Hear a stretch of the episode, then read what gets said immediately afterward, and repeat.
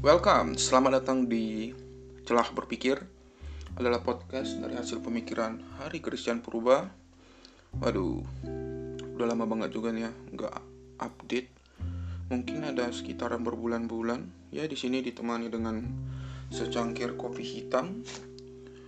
Ya, lagi tertarik membahas di podcast karena ada kata-kata viral yang bertebaran ya juga pada tepat hari ini turut berkabung juga karena meninggalnya Bapak Artijo Alkostar ya sebagai salah satu panutan saya juga di dalam hidup hidup beliau sangat dikenal sebagai seorang hakim yang benar-benar hakim yang di dalam memutuskan suatu vonis berkeadilan apalagi beliau yang sangat sangat keras di dalam menanggapi pelanggaran dalam bentuk pidana korupsi. Kenapa beliau menjadi panutan? Karena beliau adalah contoh dari penerapan kejujuran. Ya mungkin di dalam bidang profesionalismenya karena hidupnya yang diekspos adalah profesionalisme dia sebagai hakim. Nah, saya tertarik di dalam membahas tentang kejujuran di mana beliau juga pernah berkata bahwasanya kejujuran itu tidak ada sekolahnya. Pak Artijo Alkoster berkata seperti itu. Kejujuran itu hanya berasal dari dalam diri individu. Nah, ketika sudah membicarakan hal tersebut, saya agak kurang setuju sebenarnya dengan pendapat beliau karena sudah diajarkan juga di perkuliahan misalnya ada yang namanya dengan pendidikan anti korupsi dan bergabung dengan keluarga negaraan dan juga Pancasila itu sudah diajarkan sebenarnya tapi dalam bentuk lanjutannya yaitu anti korupsi ini mana? Dasar pemikiran dari anti korupsi adalah kejujuran. Tetapi saya tahu ketika perkataan kita memahaminya hanya sebatas perkataan maka hal tersebut tidak bisa kita simpulkan secara mendasar seperti ini. Saya tahu maksud beliau adalah di dalam penerapan kejujuran memang tidak ada ke sekolahnya penerapan kejujuran hanya berasal dari dalam dirinya sendiri. Ya, jadi ketika saya memaknai pernyataan tersebut menjadi miris melihat perilaku pejabat pada saat ini di mana korupsi semakin lama semakin besar yang ada Sabri ada Jiwasraya tepat pada tanggal ini masih berkembang tepat pada tanggal ini juga ada dugaan kasus suap di kalangan PNS di Dirjen Kemen di Dirjen Pajak ini cukup menyedihkan untuk tingkat kejujuran pejabat publik di dalam memaknai tugas pokok dan fungsinya sebagai pejabat. Nah, di sini ketika saya juga membuka podcast ini ya memakai sumber sumber-sumber yang menurut menurutku lebih enak untuk kita baca yaitu dari jurnal dari Muhasim STT Palapu Nusantara Lombok NTB yang dicetak tahun 2017 dari jurnal yang berjudul Budaya Kejujuran dalam Menghadapi Perubahan Zaman dengan studi fenomenologi masyarakat Islam modern. Kenapa pakai jurnal ini? Ya jelas, masyarakat Islam modern. Karena kita berada di negara yang mayoritasnya beragama Islam, maka ini berkorelasi terhadap negara. Nah, di jurnal ini dikemukakan bahwasanya perubahan suatu fenomena yang bersifat abadi dan zaman merupakan pergantian musim dan gejala sebuah kurun waktu tertentu. Jadi sini memaknai bahwasanya modern ini adalah perubahan waktu yang di mana dari abad 21 dikenal dengan abad global ditandai dengan perubahan zaman yang sangat dramatis. Dengan dasar pemikiran di sini tulis bahwasanya globalisasi sebagai akibat perkembangan ilmu pengetahuan, revolusi digital, dan kemajuan transportasi. Jadi modern itu yang dimaksudkan modern di jurnal ini.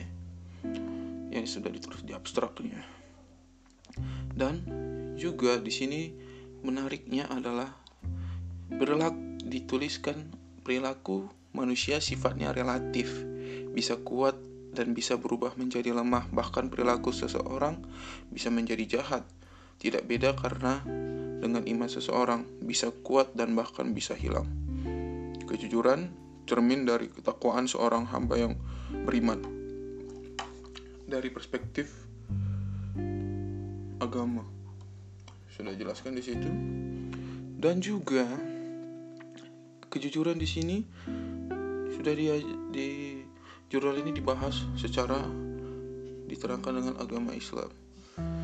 Yang pri, yang saya maknai di sini juga ada ditulis bahwasanya perilaku jujur mencerminkan keimanan, etika dan moral seseorang.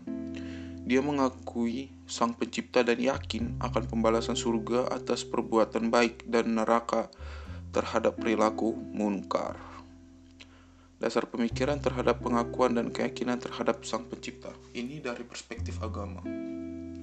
Nah, di jurnal ini menarik sekali karena dasar pemikirannya adalah jelas kitab suci yang sudah dipaparkan sangat sangat lengkap di jurnal ini bahwasanya setiap manusia mau di zaman apa pun pasti akan dituntut kejujuran dari dalam perspektif agama Islam yang ditulis di jurnal ini. So, yang menjadi pertanyaannya, kenapa masyarakat di Indonesia mayoritasnya Islam ataupun mayoritasnya karena kita juga adalah negara yang beragama tapi tetap masih banyak kita jumpai orang yang tidak jujur atau bisa dikatakan pembohong atau kita bisa katakan juga penipu. Kenapa?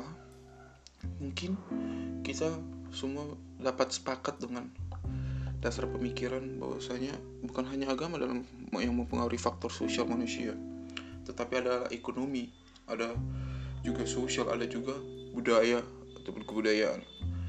Di sini agama membuat dirinya sendiri seperti tidak bisa tunggal di dalam meningkatkan kejujuran seseorang. Bahkan kejujuran itu ditulis di jurnal ini, kejujuran tidak bisa dinilai semata-mata dari ucapan dan perbuatan. Karena yang tahu diri, jujur atau dusta yaitu diri sendiri dan Tuhan yang Maha Kuasa. Di sini kejujuran didefinisikan adalah berkata kebenaran dengan dasar pemikiran bahwasanya ketika melakukan pembohongan, penipuan, maka itu sudah secara otomatis tidak jujur. Berarti ketika Anda jujur, Anda mengatakan kebenaran, Anda melakukan hal yang benar. Kejujuran dalam bersikap, berperilaku maupun berkata. Karena kejujuran menurutku adalah indikator sosial manusia, indikator hubungan sosial manusia. Karena kejujuran pasti ada sebab dan akibat dari antara individu ke individu yang lain. Dengan apa pun maksudnya. Dengan apa pun maksudnya dalam perbuatan, perkataan maupun sikap.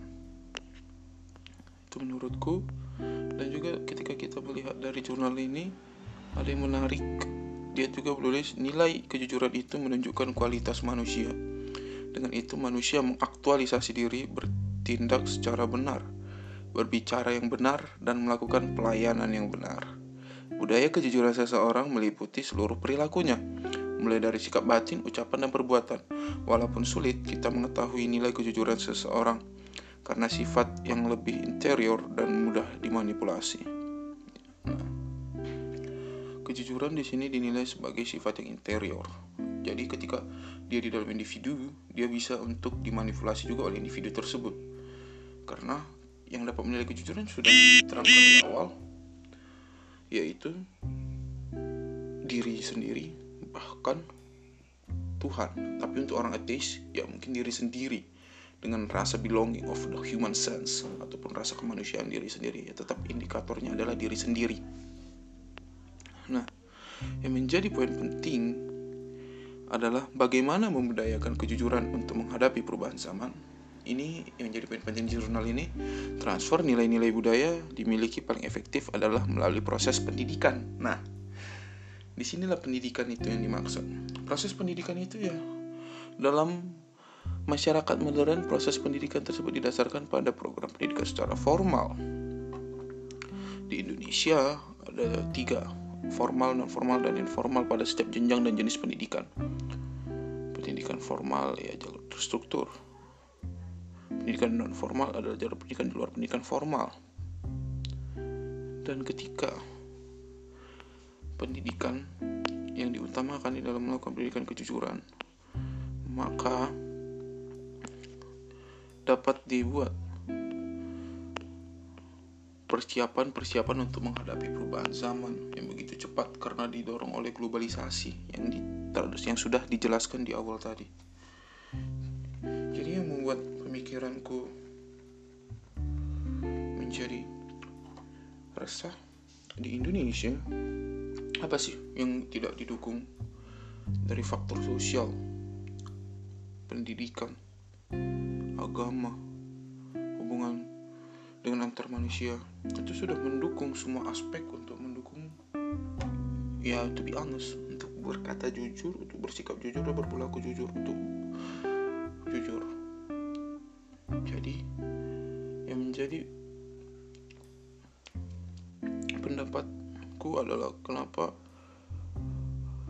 kita tidak bisa memponis orang jujur atau bohong karena budaya kejujuran bisa-bisa kuat dan bisa berubah menjadi lemah dan jahat. Itu juga ditulis di jurnal ini. Pada perubahan zaman ini, masih terdapat kehidupan masyarakat berada dalam kebodohan. Oleh karena itu, membudayakan kejujuran merupakan keharusan. Tetap, tetapi kewajib bukan cuma keharusan, tetapi kewajiban setiap orang. Oleh karena itu, kita harus belajar tentang kejujuran, belajar tentang mengaplikasikan kejujuran.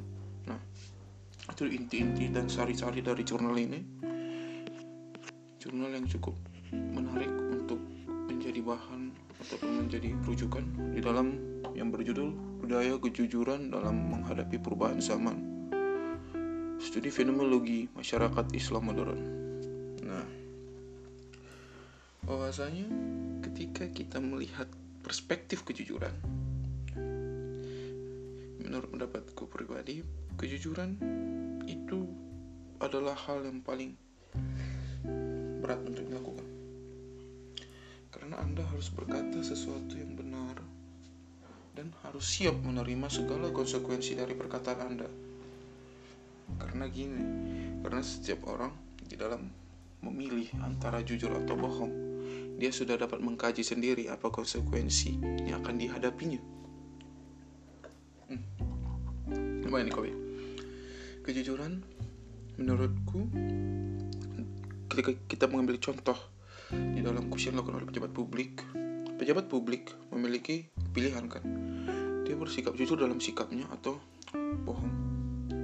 Dia korupsi. Dia mengingkari sumpah jabatannya dengan melakukan korupsi. Dia sudah berbohong kepada dirinya sendiri keluarganya bahkan kepada negara karena dia sudah berjanji kepada negara untuk tidak melakukan korupsi. Nah, berarti itu adalah efek ketika dia melakukan kebohongan. Bagaimana juga dia ketika melakukan kejujuran di dalam bersikap, di dalam menjadi sebagai pejabat, pasti dia akan tetap pada posisi di mana tidak akan menerima segala efek samping dari tersebut. Pertanyaannya, apa yang menimbulkan dirinya berani melakukan kebohongan ataupun menjadi pejabat. Simpel saja, di mana keuntungan yang didapatkan ketika melakukan korupsi itu lebih banyak daripada sanksi yang akan didapatkannya ketika dia berkalkulasi dengan pola pemikiran kapitalisme. Pola pemikiran kapitalisme adalah ketika dia memiliki modal, ketika dia memiliki uang dari hal yang dilakukannya seperti korupsi tersebut, itu efek yang sudah diperhitungkan olehnya akan lebih baik didapatkan daripada dari efek samping dia melakukan korupsi. Seperti hukuman korupsi, penjara, sanksi sosial, sanksi, ya sanksi sosial dan sanksi hukum. Hukum ya bentuknya penjara. Sosial ya palingan di pecat pecat juga itu dalam bentuk hukum. Sosial paling diejek oleh masyarakat sekitar diingat oleh masyarakat sekitar tentang kejahatan yang dilakukannya. Jadi kalau kita mengikuti pola pemikiran koruptor pada zaman sekarang ini apalagi di zaman serba informasi yang sudah sangat cepat apakah masih setara keuntungan ketika melakukan korupsi ataupun tidak? Karena dalam landasan berpikirnya pasti ketika mereka jujur-jujur saja sebagai pejabat publik mereka akan mengalami yang dinamakan oleh cara berpikir kemungkinan-kemungkinan yang akan mereka pikirkan adalah kekurangan hal. Tapi ketika melakukan korupsi dia mendapatkan hal tersebut. Nah itu. Mungkin itu yang akan menjadi struktur berpikir para koruptor ini. Dan pejabat, para pejabat publik yang koruptor oknum-oknum pejabat publik ini yang koruptor yang mereka tidak layak lagi untuk di menjadi seorang pejabat publik karena sudah tercoreng namanya sebagai koruptor. Dan belum lagi ketika kasus tersebut melibatkan suatu instansi ya meskipun oknum tapi akan tetap mempermalukan secara kelembagaan seperti kami contoh kasus Menteri Sosial Juliari Batubara. Dia korupsi bansos. Menteri Perikanan Yudi Edi Prabowo. Dia korupsi juga. Ya kita ambil dua contoh ini mereka bersikap seakan-akan melakukan korupsi itu pada saat masa pandemi ini. Ya begitu mereka melakukannya pasti kehabisan kata-kata. Saya sendiri sebagai orang awam saja melihatnya kehabisan kata-kata. Apa sih celah-celah berpikir mereka itu untuk melakukan korupsi?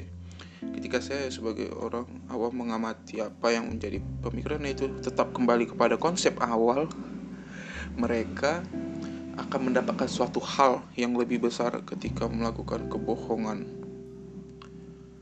secara hitung-hitungan ataupun secara apple to apple apa yang akan mereka dapatkan ketika melakukan kebohongan tersebut? Ketika mereka tidak jujur sebagai pejabat publik pasti cukup besar. Nah hal ini akan merembet kepada contoh publik. Apa yang akan publik contoh? Ya jelas pejabat publiknya.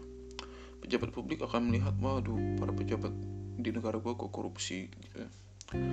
mereka kok gini semua sih kok nggak jujur semua pasti akan menimbulkan stereotype kepada masyarakat bahwasanya instansi pemerintahan isinya orang-orang korup. Padahal belum tentu. Tapi tidak dapat dipungkiri hal tersebut. Pasti karena yang melakukan korupsi adalah gambaran dari instansi tersebut.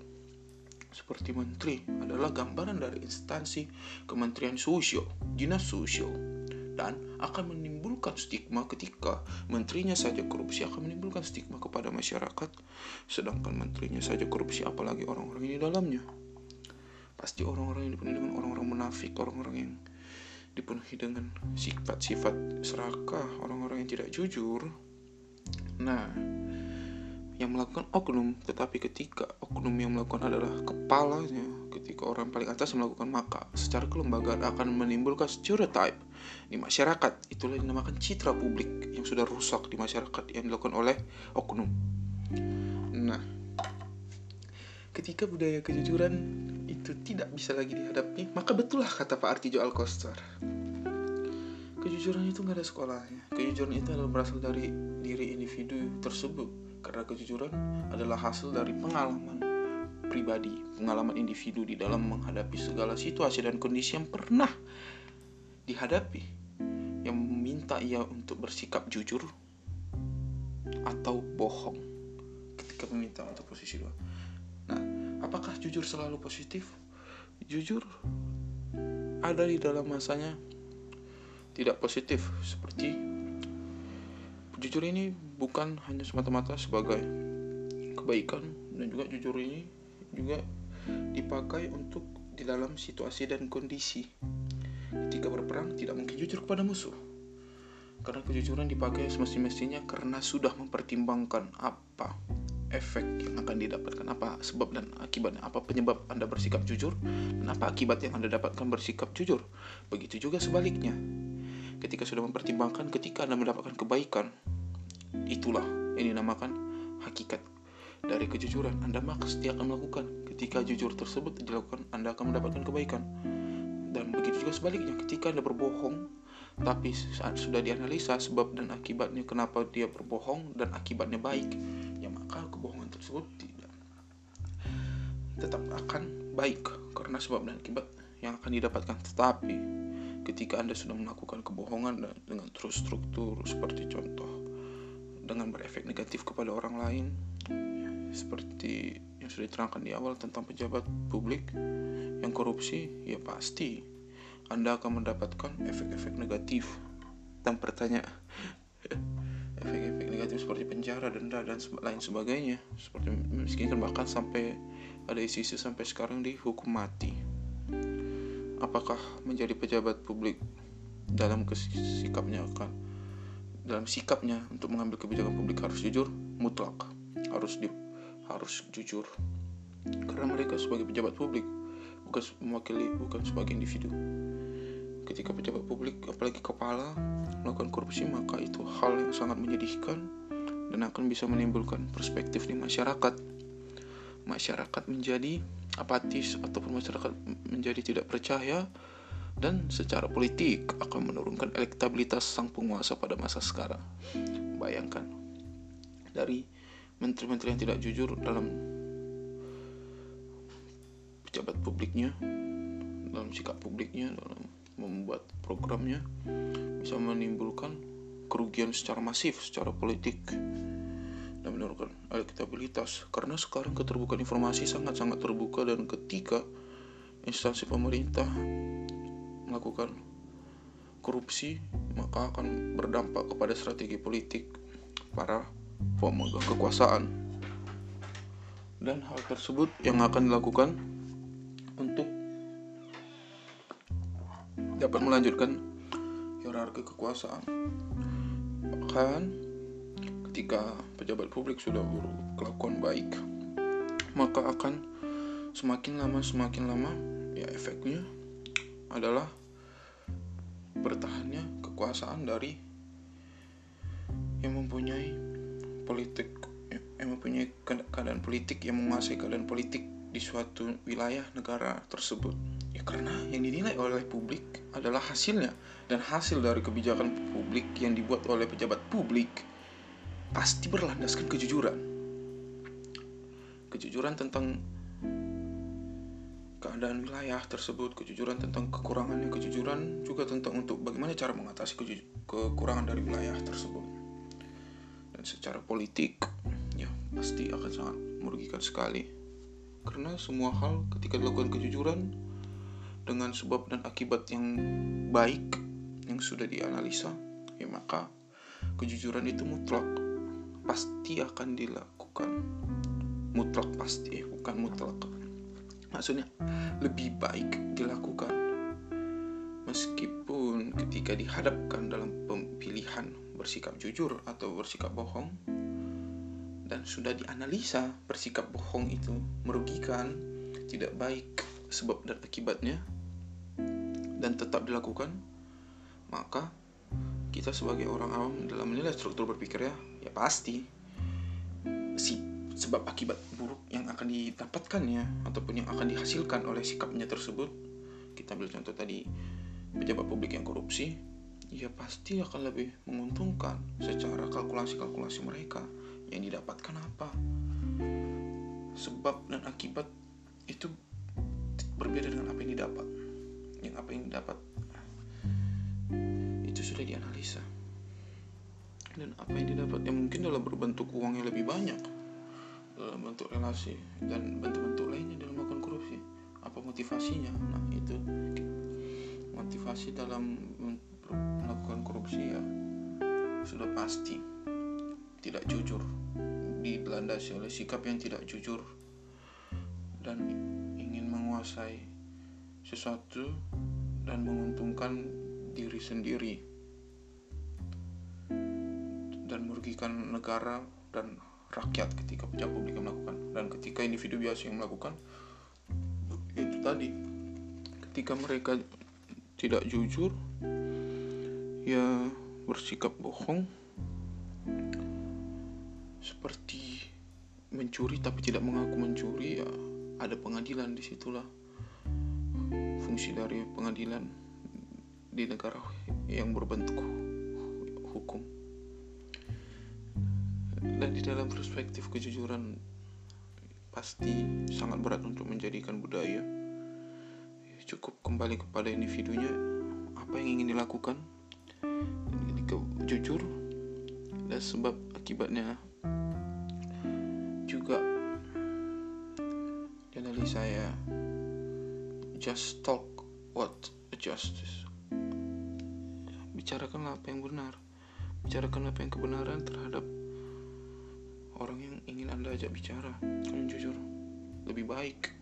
Ya walaupun terkadang jujur itu menyakitkan mungkin ketika jujur anda mengungkapkan fakta-fakta ya pasti ketika sudah dianalisa dan tetap memilih jujur pasti sudah tahu ujung-ujungnya jujur itu pasti baik.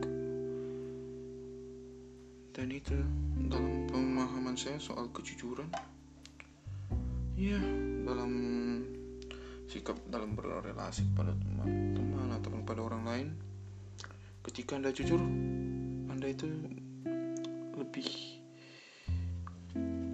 lebih santai ya lebih tidak berusaha untuk tidak ber, lebih berusaha untuk tidak bersikap seakan-akan berus berbohong terus capek men berbohong berbohong terus untuk mendapatkan social engagement. What what you can think that about that uh, social Chris like oh my god untuk sosialis untuk bersosial apakah harus berbohong?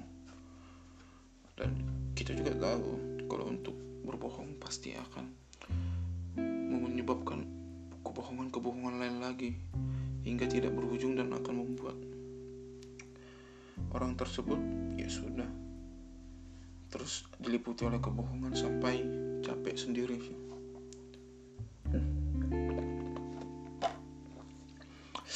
ketika ada masalah.